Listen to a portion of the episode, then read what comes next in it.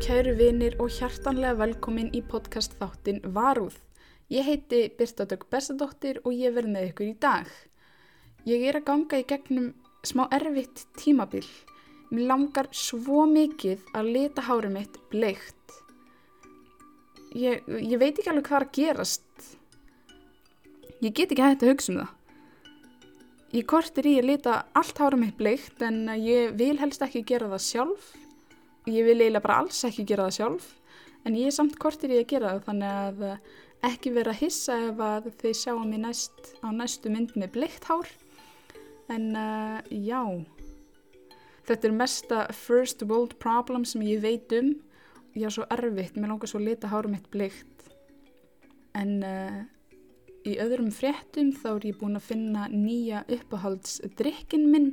Það er Vassmelónu Red Bull, já. Ég sá þetta hérna í búð út í Sviss og þetta er svona um það byrð það besta sem ég hef smakkað. Þetta er samt bara sumardrykkur þannig að uh, ég er smá leið. Það er allt í voli hjá mér greinilega. En ég er smá leið. Ég er við það að gera sjálfa mig gjaldþróta á því að kaupa allt of mikið af þessum drykk. Það var nú ekki meira en það. Ég vona bara allir hafi átt góða viku. Mér var bara ágætt. Ég fór í ammali hjá tengdapappa mínum um helgina. Það var fínt. Já, já, svona er þetta. Lífið er ljúft. En uh, ég hef svo sem ekki meiri business að tala um. Ég hef ekki neitt mikið að tala um. Þannig að við ættum bara að henda okkur í mál dagsins. Ég vil taka það fram að varúð er ekki við hæfi barna. Núna fyrst öll börnin eru farin, þar getum við haldið áfram. Nancy Hazel, eða Nanny Doss eins og hún er betur þekkt, fættist árið 1905 í Blue Mountain, Alabama, sem er núna kallað Anniston, Alabama. Fóreldrar Nanny voru James F. Hazel og Louisa Hazel, en hún var alltaf kölluð Lou. Nanny átti fjögur sískinni, einn bróður og þrjár systur. Frá því að Nanny var bara ung stúlka elskaði hún að hlæja og hún var alltaf brosandi. Þær maðgur Nanny og Lou áttu nokkuð sameinlegt en það helsta sem að tengdi þær saman var sameinlegt hatur þeirra á James, föður Nanny og eiginmanns Lou. James var mjög strangur, bæðir sem fadir og eiginmaður. Það er ekki neina sannanir fyrir því að hann hafi beitt börnin sín líkamlegu ofbeldi en hann svo sannarlega beitti þeim andlegu ofbeldi. Hann leita börnin sín fyrst og fremst sem vinnuafl. Ef það vantaði vinna á sveitabænum þá hikaði hann ekki við að taka börnin sín úr skóla til þess að vinna. Vegna þessa mentun þjónaði ekki neinum tilgangi í hans augum. Þetta varð auðvitað til þess að Nanni fekk slæmamentun og var léleg í skóla. Þegar Nanni var sjöra fór hún í lest til Suður Alabama til þess að hitta ættingja. Lestin snar hemlaði á nokkurs fyrirvara sem að var til þess að Nanni rak höfuðið í járnstöng sem að var fyrir framann hana. Þetta var til þess að hún þjáðist af alvarlegum höfuverkjum, hún misti oft meðvitund og þjáðist af þunglindi, eða allavega samkvæmt henni. Svo þegar Nanni var í sjöttabekk þá hætti hún í skóla fyrir fullt og allt. Áhugamál Nanni þegar hún var úlingur voru meðal annars að lesa romantísk tímaritt sem á móðir hennar átti. Uppahaldi hennar var að lesa enga mála auðlýsingarnar. Það sem að fólk skrifaði stuttagrein um sjálft sig og bað svo um að kynnast eða jafnvel hitta fólk. Henni dreymdi um sinna eigin romantísku framtíð en það var ekki auðvelt. James bannaði henni og systrum hennar að gera neitt til þess að punta upp á útlitt sitt. Sætir kjólar og andeitsfarðar voru ekki leifinleg. James trúði því að það myndi koma í veg fyrir að þær yrðu áreittar, en því miður virkaði það ekki. Nanni sagði í segni tíð að henni hafi verið nöðgat af nokkrum mönnum. Hún talaði ekki um hverjir mönninir voru, en hún sagði að þegar hún sagði pappa sinu frá því þá annarkvort trúði hann henni ekki eða var bara alveg sama. Það var einnig stránglega bannað fyrir stelpunar að eiga í neins konar vinskap við stráka. Það var ekki fyrir hún byrjaði að vinna árið 1921 þegar Nanni var 16 ára að hún átti samskipti við drengi sem voru ekki skildir henni. Á meðan önnur börn á hennar aldrei sóttu skóla og leituðu að fullkomna dressinu til þess að fara í ásatíðina, þá var Nanni löngum stundum í lín verksmiðju.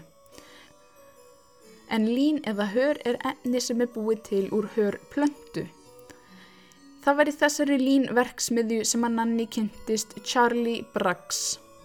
Charlie vann einnig í verksmiðjunni og sá mömmu sína sem var öldruð og einstæð. Þau byrjuðu í ástarsambandi og eftir aðeins fjóra mánuði og blessun pappa síns var 16 ára Nanni gift Charlie.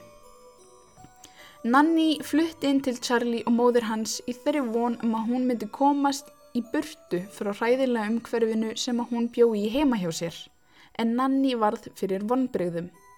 Teindarmóður hennar reyndist vera kvennkins útgáfan af föður hennar. Hún var hrikallega stjórnsum og let Nanni gera allan fjandan fyrir sig. Móður Nanni mátti ekki vera hjá þeim yfir heila nátt og tengdamamma hennar tók allan auka tíma frá Charlie þannig að þær stundir sem að Nanni og Charlie áttu saman voru mjög takmarkaðar.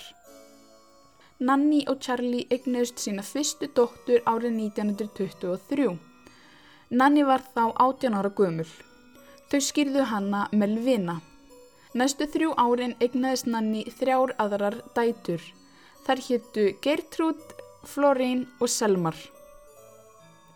Úrvinda vegna álagsins að sjá um fjögur börn og tengdamóður sína byrjaði Nanni að drekka og það sem var ein og ein síkretta hér og þar breyttist í keðjurreikingar.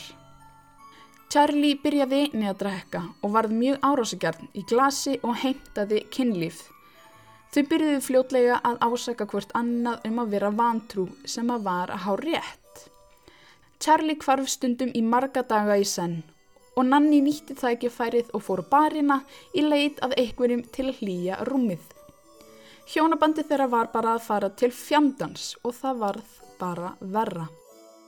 Árið 1927 letust Geirtrúd og Selmar úr því sem að læknar greindu sem matareitrun. Nanni fekk lífeyri eftir stelpurnar en Charlie var hins vegar ekki sannferður. Hann held því fram að Nanni hafi eitrað fyrir dætrum sínum. Það var til þess að Charlie flúði með Melvinu elstu dóttirina og skildi Nanni eftir með Flóræn sem var þá eins ás og tengdamóður sinni. Tengdamóðir Nanni lést stuttu eftir að Charlie fór frá þeim og Nanni byrjaði að vinna í bómullarmillu til þess að geta séð um sig og Floræn. Rúmum fimm árum senna kom Charlie aftur með aðra konu og barnið hennar. Þau skildu og Nanni tók bæði Floræn og Melvinu og flutti til foreldra sína.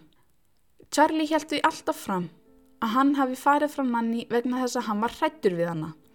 Hann var það hrættur að hann neytaði að borða matin sem hún eldaði ef að Nanni var í slæmu skapi.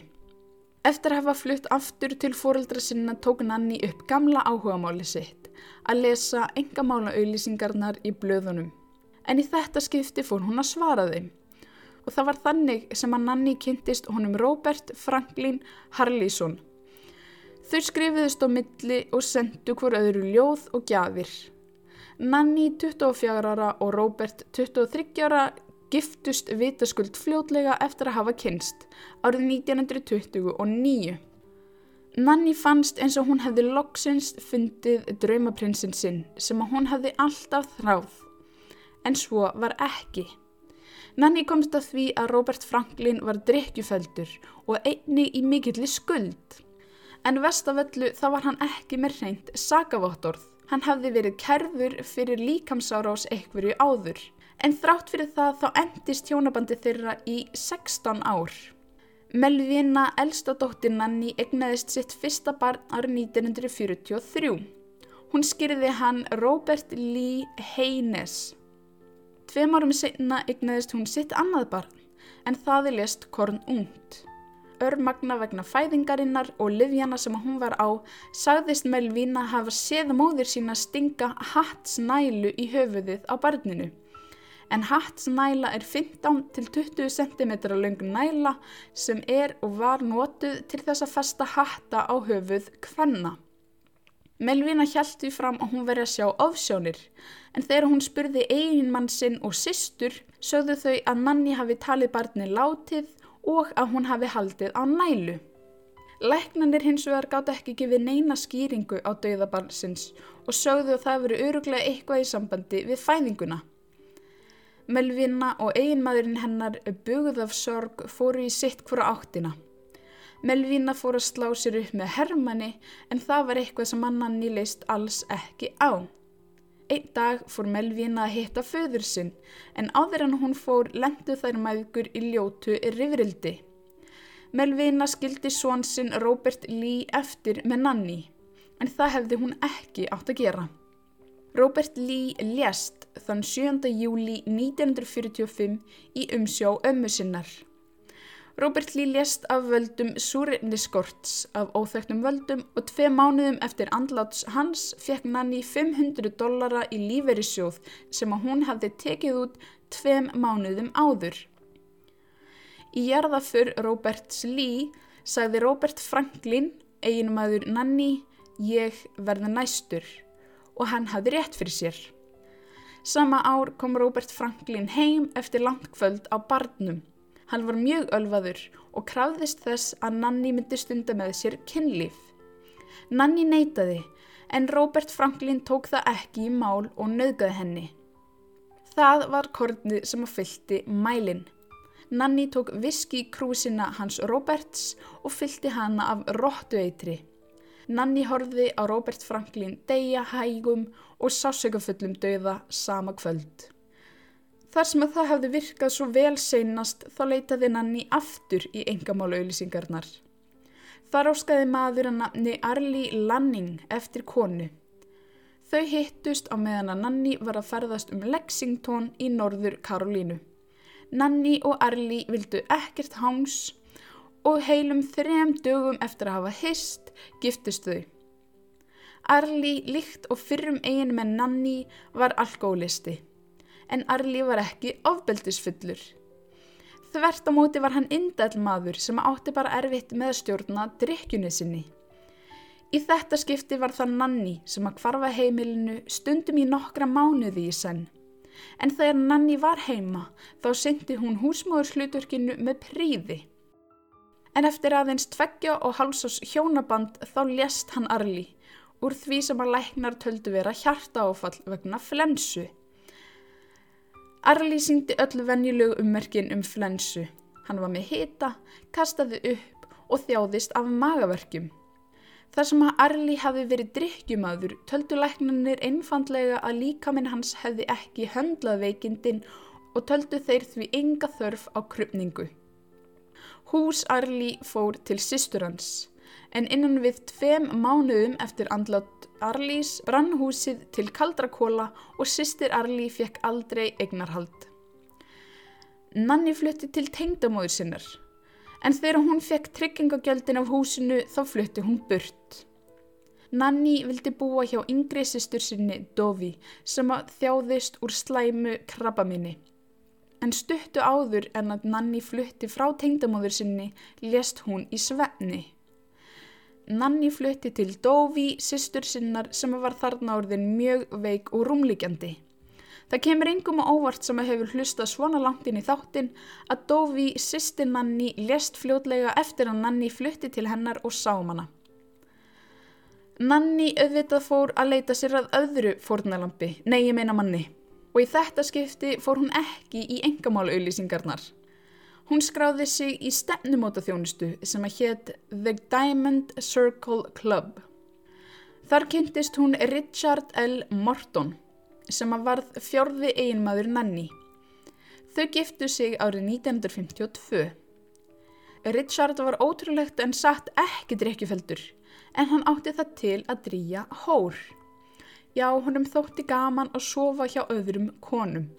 Þegar Nanni komst að því að hann var að hitta og sofa hjá fyrfirandi kærustunni sinni þá var hún ekki ánægð. Hún ákvað að Richard hefði lifað alveg nóg lengi en áður en að hún sá um hann þá ákvað hún að koma tengda mömmu sinni fyrir Katanef. Í janúar 1953 lést móði Richard eftir að hafa kvartað undan magaverkjum þegar hún kom til þess að búa hjá þeim. Þrem mánuðum segna, í mæ 1953, lést svo Richard. En Nanni var alveg sama. Hún hafði nú þegar fundið annan mann. Eftir að Richard lést fór Nanni til Oklahoma. Þar kynntist hún 58 ára gömlu manni að nafni Samuel Doss. Samuel var ráðherra í Nazaræna kirkjunni. Samuel hafði ekki átt sjö dagana sæla. Hann hafði mist konuna sína og nýju börn í kvirvilbil sem hafði tröll riðið Madison County í Arkansas. Samuel, ólíkt hinnum fjórum fyrrum eiginmönnum Nanni, var góður maður.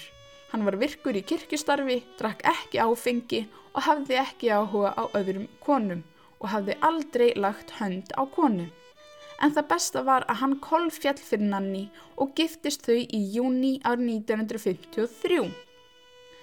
Nanni hafði loksins fundið fullkomna mannin sem hún hafði lesið um í rómatísku tímaritum um mömmu sinnar, sem að hún hafði leitað svo lengi af. Eða hvað? Samuel hafði tvo megin galla. Hann var allt of sparsamur og ótrúlega ómerkilegur.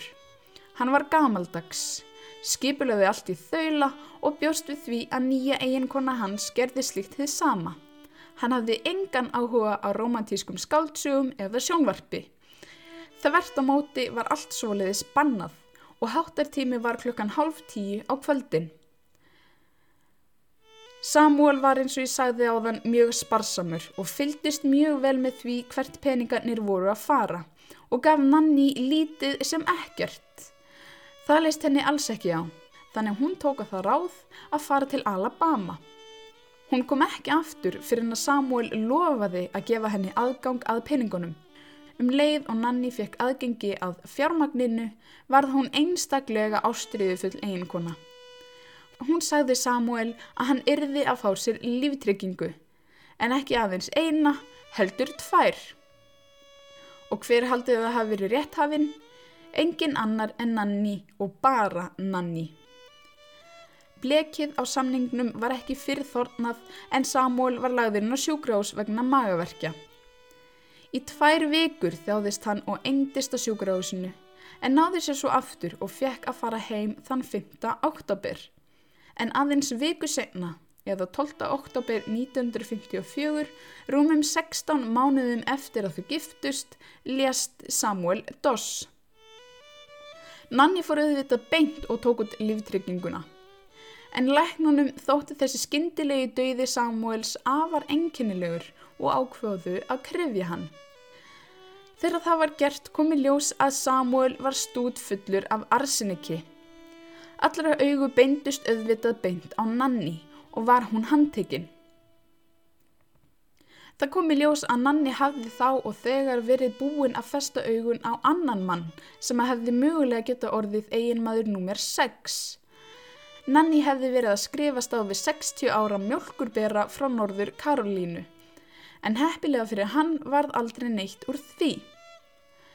Nanni neytaði fyrst allir í sög, sagðist ekki skilja hvernig allt þetta arsinnig hefði geta komist í Samuel. Laureglan var hins vegar ekki sannferð og fór að skoða fortíðina hennar. Nanni sagðist ekki einu sinni hafa þekkt mann að nafni Richard Morton. En þegar lögreglan sagðist vita að Nanni veri ekki að segja sannleikan, flissaði hún og sagði Jæja, ég býst við að ég hafi ekki verið að segja sannleikan. Við vorum gift. Því lengur sem að lögreglan talaði við Nanni, því meira kom í ljós. Hún játaði alltaf meira og meira. Hún saðist aðeins hafa eitra fyrir þeim sem að hafi átt það skilið innan gesalappa. Nanni talaði um að hún hafi aldrei eitrað fyrir fjölskyldumæðlumum sínum. Ég gerði ekkert svoliðis við mitt blóðfólk, sagði Nanni. En allt leit út fyrir ekki. Bæði móðir hennar Lú og Dóvi sýstir hennar mældust með greiðalegt magn af arsenikki í líkamannum. Nanni játaði á sig átta morð. Nanni sagðist hafa myrt fjóra af fimm eiginmönnum sínum, mömmu sína, Dófi, sýstur sína, Robert Lee, barnabarn sitt og mömmu Arli Lanning. Nanni hvartaði ekki undir allir aðteglinni sem hún fekk. Þvert á móti þó hún hafi verið hræðinlegur fjöldamorðingi það gerði hún oft grín af látnu eiginmönnum sínum og talaði um hvernig hún myrti þá. Til dæmis með sætt karteblu bökunni sinni þar sem að aðal innihaldsefnið var arsenik. Lauruglunni var ekki skemmt þegar Nanni flissaði og hló meðan hún talaði um hvernig hún myrti átta manns.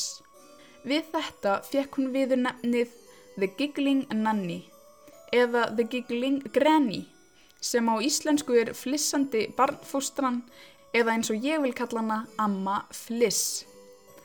Þann 18. mæ 1955 var Nanni dæmt í lífstíðarfangelsi eftir að hafa játað morðið á Samuel. Nanni lést svo tíu árum senna eða árið 1965 úr kvítblæði þá 59 ára að aldri. Nanni var aldrei dæmt fyrir neitt annað morð en morðið á Samuel þó að hún hafi játað átta morð en það var talið að Nanni hafi myrt 11 einstaklinga.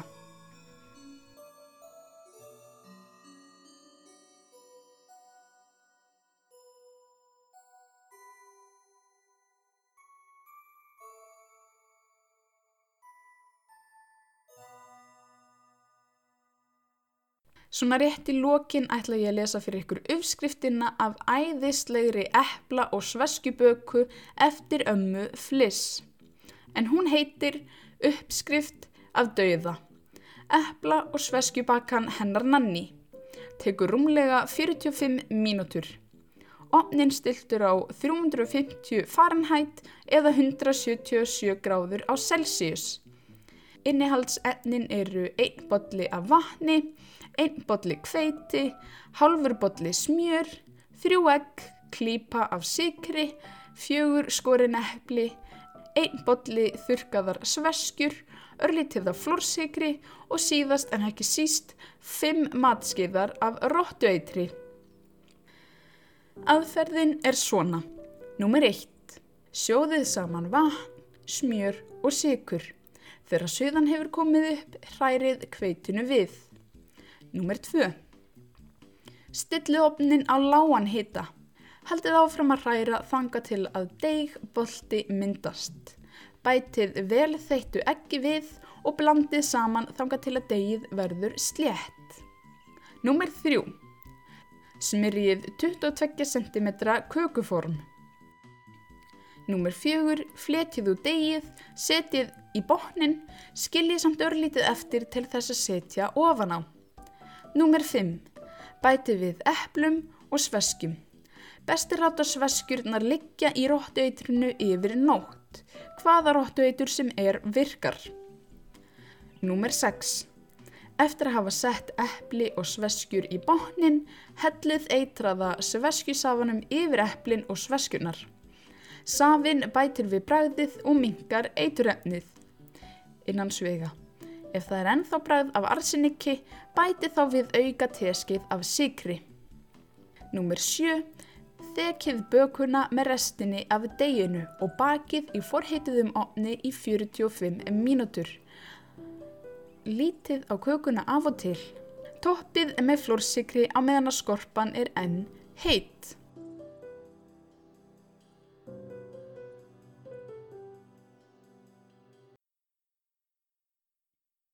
Nú, af hverju þýtti ég og las upp fyrir ykkur heila uppskrift af baneitraðri svesku, epla, böku sem að ég vona innilega að enginn fari að búa til? Því að þetta sýnir svo vel hvað Nanni er gjörsamlega síðlus og bara sækupæð. Hún er bara að dunda sig við að búa sér til uppskrift af morðböku og greinilega búin að laga hana til til þess að hún nái hámarks virkni. Nanni er fyrsti raðmórðingin sem ég tala um í þessu podcasti og uh, þið veltið eflust fyrir ykkur hvernig var svona auðvelt fyrir Nanni að myrða allt þetta fólk. En það er einfaldlega vegna þess að uh, raðmórðingar á þessum tíma voru yfirleitt allir karlmenn. Og þeir voru allir að myrða fólk með hnífum eða bissum og það er bara miklu auðveldara að fela að þú hafið myrt eitthvað með eitri heldur en að fela að þú hafið myrt eitthvað með uh, hníf. Og þannig er nú það. Stutt og laggott mál í dag. Raðmórðingjar er ekkert eh, uppáhaldið mitt. Við veist ekkert sérstaklega skemmtilegt að eh, taka fyrir raðmórðingja einfallega vegna þess að það er svo ótrúlega mikið að nöfnum og það getur verið svo ótrúlega rugglingslegt og mér finnst miklu skemmtilegra, skemmtilegra, mér finnst miklu áhugaverðara að sálfræðilega séð að skoða fólk sem að hefur myrt einn einstakling eða eitthvað og af hverju fólk myrðir bara einn. En Nanni Amma Fliss er bara gjörsamlega síðlaus og uh, já, ekki góð manneskja. Og ég held einnig að það hafi verið ástæðan fyrir því að uh, hún hafi geta gengið svona langt vegna þess að hún var bara brosmild og hamingisum amma. En uh, takk fyrir að hlusta í dag. Endilega fylgi mér þar sem að þið eruð að hlusta. Skellið í review á Apple Podcast ef þið hafið áhugað því. Og uh, látið ykkur líða vel og aldrei búa til svesku, epla, morð, böku. En ef þið hafið áhugað þá með ég endilega búa til uh, þessa böku bara sleppa róttautrinu. En þanga til næsta miðugudag þá segi ég bara knús í hús. Bye.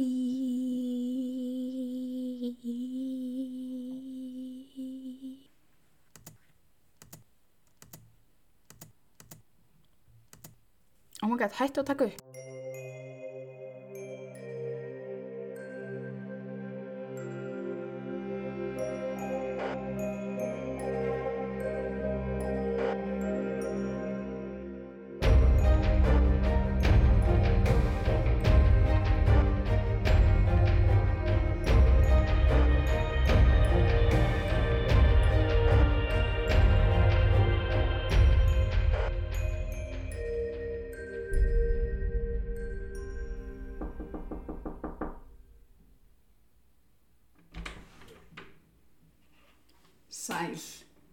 Ég er hér komin fyrir hönd Varúðar podcast. Má bjóða þér að fylgja Varúð á Instagram undir varúð.podcast. Nei? Jæja, allt í góðu. Ekki hefur þú áhugað því að ganga í köldin, nei ég meina klubbin Varúð á Facebook? Nei, ekki heldur. Jæja, skýttið þið bless.